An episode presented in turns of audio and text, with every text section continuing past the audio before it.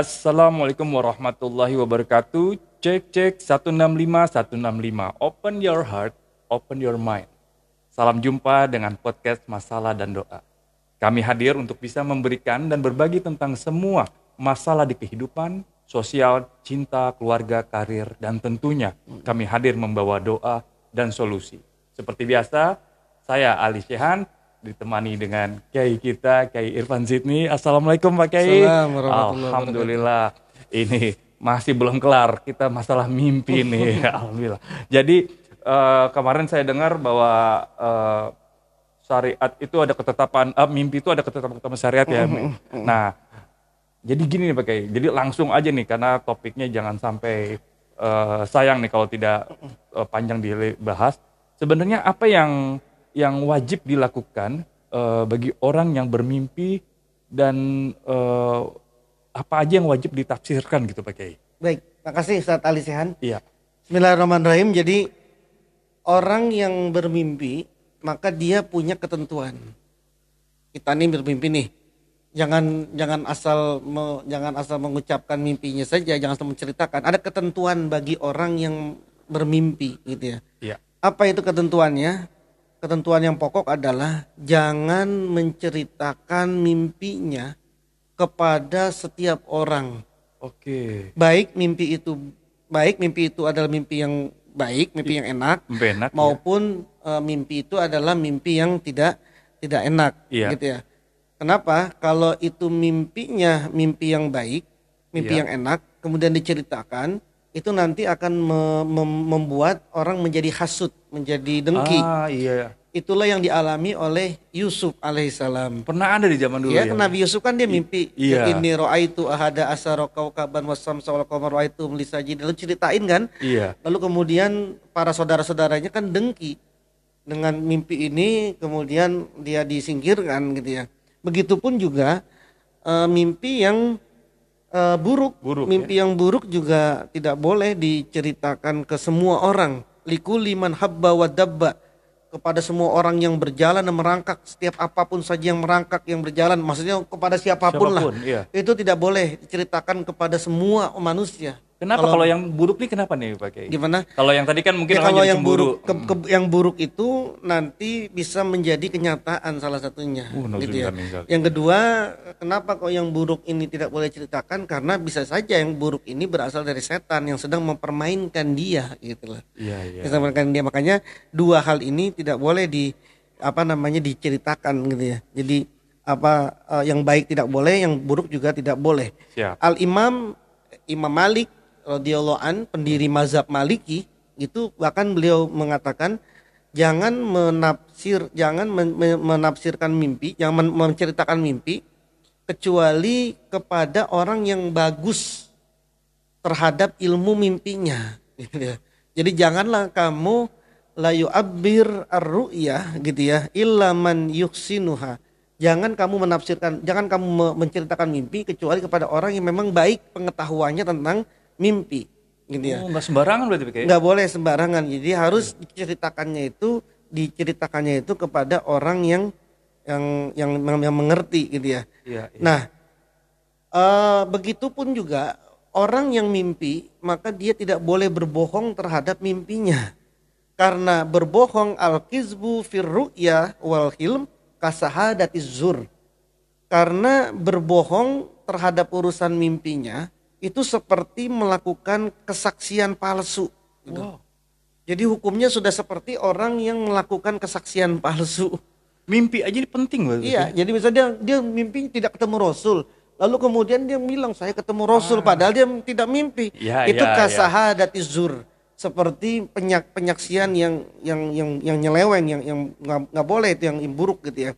Jadi kalau memang dia mimpi ya dia ceritakan apa ya apa adanya gitu loh. Kalau memang dia lupa ceritakan yang lupa, nggak boleh ditambahin, nggak boleh dikurang-kurangin. Karena berbohong ketika dia bermi- eh, berbohong terhadap mimpi itu sama saja dia melakukan persaksian yang yang khianat gitu yang Kena khianat. hukum berarti kena hukum. kena hukum. Masya kena hukum gitu loh. Nah itu saya pikir eh, secara garis besar dua hal yang pokok yang harus diperhatikan kepada kita semua nih yang mimpi gitu ya yang mimpi Ustaz Ustaz Ali Sehan mimpi yang pertama ya jangan jangan disebar meluaskan mimpi ini ke orang banyak gitu Iya. Mes- meskipun tuh mimpinya baik atau mimpi- mimpinya itu nggak baik Iya. yang kedua adalah tadi tuh tidak boleh kita menambah-nambah atau berbohong terhadap sebuah mimpi. Sebuah gitu. Kalau emang nggak mimpi ya nggak usah. Kalau nggak usah cerita gitu. Tapi kan kadang-kadang kita, uh, oh pengen bergaya saya ketemu mimpi ketemu sama Tuan Syekh Abdul Qadir gitu kan. Iya, iya. Padahal dia tidak mimpi atau dia ragu gitu. Bener-bener kan Tuan Syekh.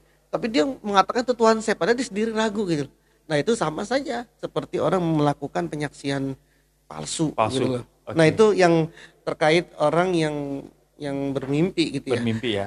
Nah sekarang bagi kita yang menafsirkan mimpi, mungkin kita ditanya nih, sekali Iya. Saya ngimpi semalam ketiban bulan. Iya. Apa maksudnya nih Iya. gitu ya, ngimpi ketiban bulan.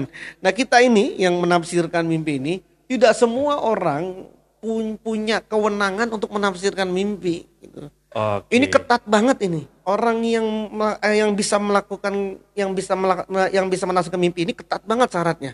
Yang pertama itu Iya. syaratnya itu dia harus aliman bil Qur'ani wa ahkami. Dia harus mengerti Quran dan hukum-hukum Quran. Wabil hadisi wa asrorihi. Dia harus mengerti tentang hadis dan rahasia-rahasianya hadis. Wabil amsali wa asbabiha. Dia harus mengerti tentang percontohan, contoh. Kan di Quran banyak tuh contoh ini, perumpamaan ini, perumpamaan ini. Begitupun sebab-sebabnya. Kenapa kok Allah memperum- me- me- me- me- memberikan perumpamaan ini dengan ini? Istilah gitu Iya, iya. wabil as'ari wa hikmatiha. Dia juga harus mengerti tentang sair, siir dan hikmah daripada siir-siir, baik siir qoblal Islam maupun siir ba'dal Islam gitu ya. Wa aqwalis salafi wal khalaf. Dia juga harus mengerti mengetahui pendapatnya ulama-ulama terdahulu maupun ulama-ulama saat ini gitu. Begitupun juga dia juga harus mengerti ilmu falak ruhani. Masya Allah. Setidaknya abjadiyah dia harus hafal. Iya. Ini seperti yang dilakukan oleh Ibnu Sirin. Ibnu Sirin itu mimpi apa didatengin sama seseorang, lalu seorang perempuan, lalu kemudian dia bilang, wahai syekh, wahai imam, ya, saya ngimpi, mimpi, mimpi apa? Suami saya didatengin sama kucing, lalu kucingnya naik ke punggungnya suami saya, gitu. Iya. Lalu kata Ibnu Sirin, oh suamimu akan kehilangan duit 316 dirham. Gitu. Sakurat itu. Sebegitu kan 316 dirham. Dan ternyata besok harinya benar terjadi gitu. Nah, dari mana Ibnu Sirin menafsirkan orang kedatangan kucing, lalu kemudian kucingnya naik ke pinggang seseorang lalu ditafsirkan dia kecolongan uang? Iya. Karena kucing, kucing itu dalam bahasa Arab salah satunya adalah namanya sinaur. Bahasa Arabnya itu selain hurairoh gitu apa hurun atau kotun itu juga ada disebut dengan sinaur. Sinaur itu kucing yang agak agak serem-sereman lah itu namanya Iya. sinaur. gitu ya. Sinaur, iya. Sinaur yang agak kayak macan-macan gitu. Iya. Kucing-kucing seperti itu namanya sinaur. Nah sinaur itu kalau menggunakan abjadiyah kubro, sinnya itu 60, nunnya itu 50, Masya wawunya itu 6, roknya itu 200. Kalau di jumlah 60 ditambah 50 ditambah 6 ditambah 200 sama dengan 316.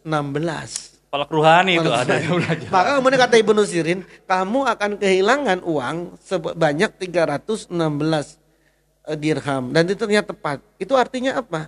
Artinya penafsiran terhadap mimpi itu sangat meluas ilmunya. Iya, iya. Dia harus mengerti banyak sekali apa namanya disiplin ilmu. Nah, bagaimana ada orang menafsirkan mimpi padahal dia tidak punya legalitas, tidak punya kapasitas untuk me- me- menafsirkan mimpi, Iya. maka dia tahammala wazaro. Dia akan menanggung uh, beban mimpi itu dan dia akan berdosa. Apa menanggung bebannya itu?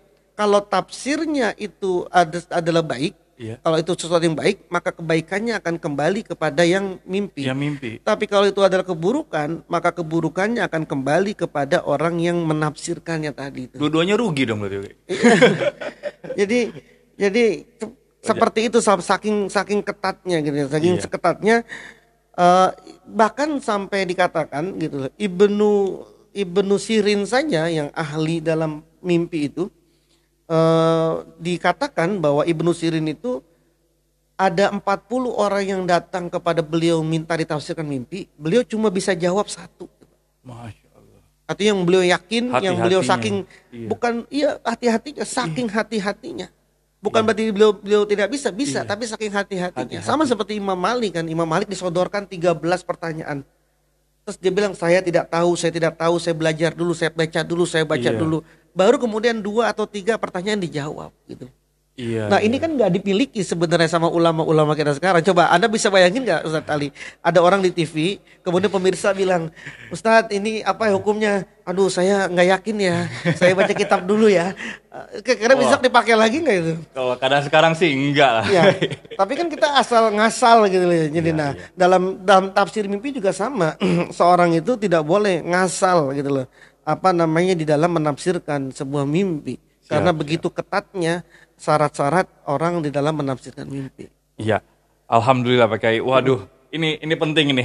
Ya saya ada mau banyak lebih ditanyakan lagi nih Pak Kiai. Cuman eh, cukup dulu nih biar para pendengar juga wah, paham. Jadi ya kita ini hati-hatilah, hati-hati. Pertama kita yang menjawab. Kalau kita nggak ketentuan sarahnya kita rugi. Kalau benar dia yang dapat, nggak benar kita yang nanggung gitu kan ya. Waduh bahaya sekali. Ya paling mungkin saya mau nanya Pak Kiai ini sebentar aja Pak Kiai. Kalau misalnya ada yang mau nanya, ya, dia atau tiba-tiba dia langsung cerita nggak nanya sama kita tentang mimpinya, langsung kita doain aja yang kebaikan aja gitu. Iya begitu. Itulah yang disampaikan sama Imam Malik tadi. Kalau engkau diceritakan sebuah mimpi, maka sampaikanlah sesuatu yang baik gitu ya. Iya. Atau kalau emang itu mimpinya yang buruk, uh, faliyasmut, maka hendaklah kamu diam saja. Diam saja. Iya. Insya Allah Pak Kiai. saja, Ini gitu. ini jadi ilmu bermanfaat nih buat kita semuanya. Alhamdulillah Pak Kiai untuk eh, sementara kita sudahi dulu Pak Kiai. Iya. Cuman begini Pak Kiai, nah, eh, mungkin ke depan eh, tadi ada pesan gitu dari eh, Bang Andre nih. Eh, untuk season berikutnya kayaknya masih terdengar mimpi itu mengenai apa tanda-tanda kalau mimpi itu benar dan syaratnya. Nah ini juga penting Pak Pak Kiai. Iya, Jadi, Kalau tadi kita sebagai penafsir harus bagaimana, cuman kita juga ingin tahu juga apakah ada syarat nih kalau mimpi itu benar. eh, terus seperti apa tanda-tandanya? Insya Allah nanti di season berikutnya Pak Kiai. Terima kasih Pak Kiai. Ya, sama-sama. Eh, eh, nanti kita ketemu lagi. Wah, buat cagar bager semuanya kalau ingin mendapatkan informasi ya lebih lanjut itu bisa kunjungin website kita di www.falakruhani.com atau bisa WA chat kalau misalnya ada sesuatu yang ingin ditanyakan eh, ke WA di 0811 889308. Insya Allah kita berjumpa lagi. Eh, terima kasih Pak Kiai. Ya. Assalamualaikum warahmatullahi wabarakatuh. Waalaikumsalam warahmatullahi wabarakatuh.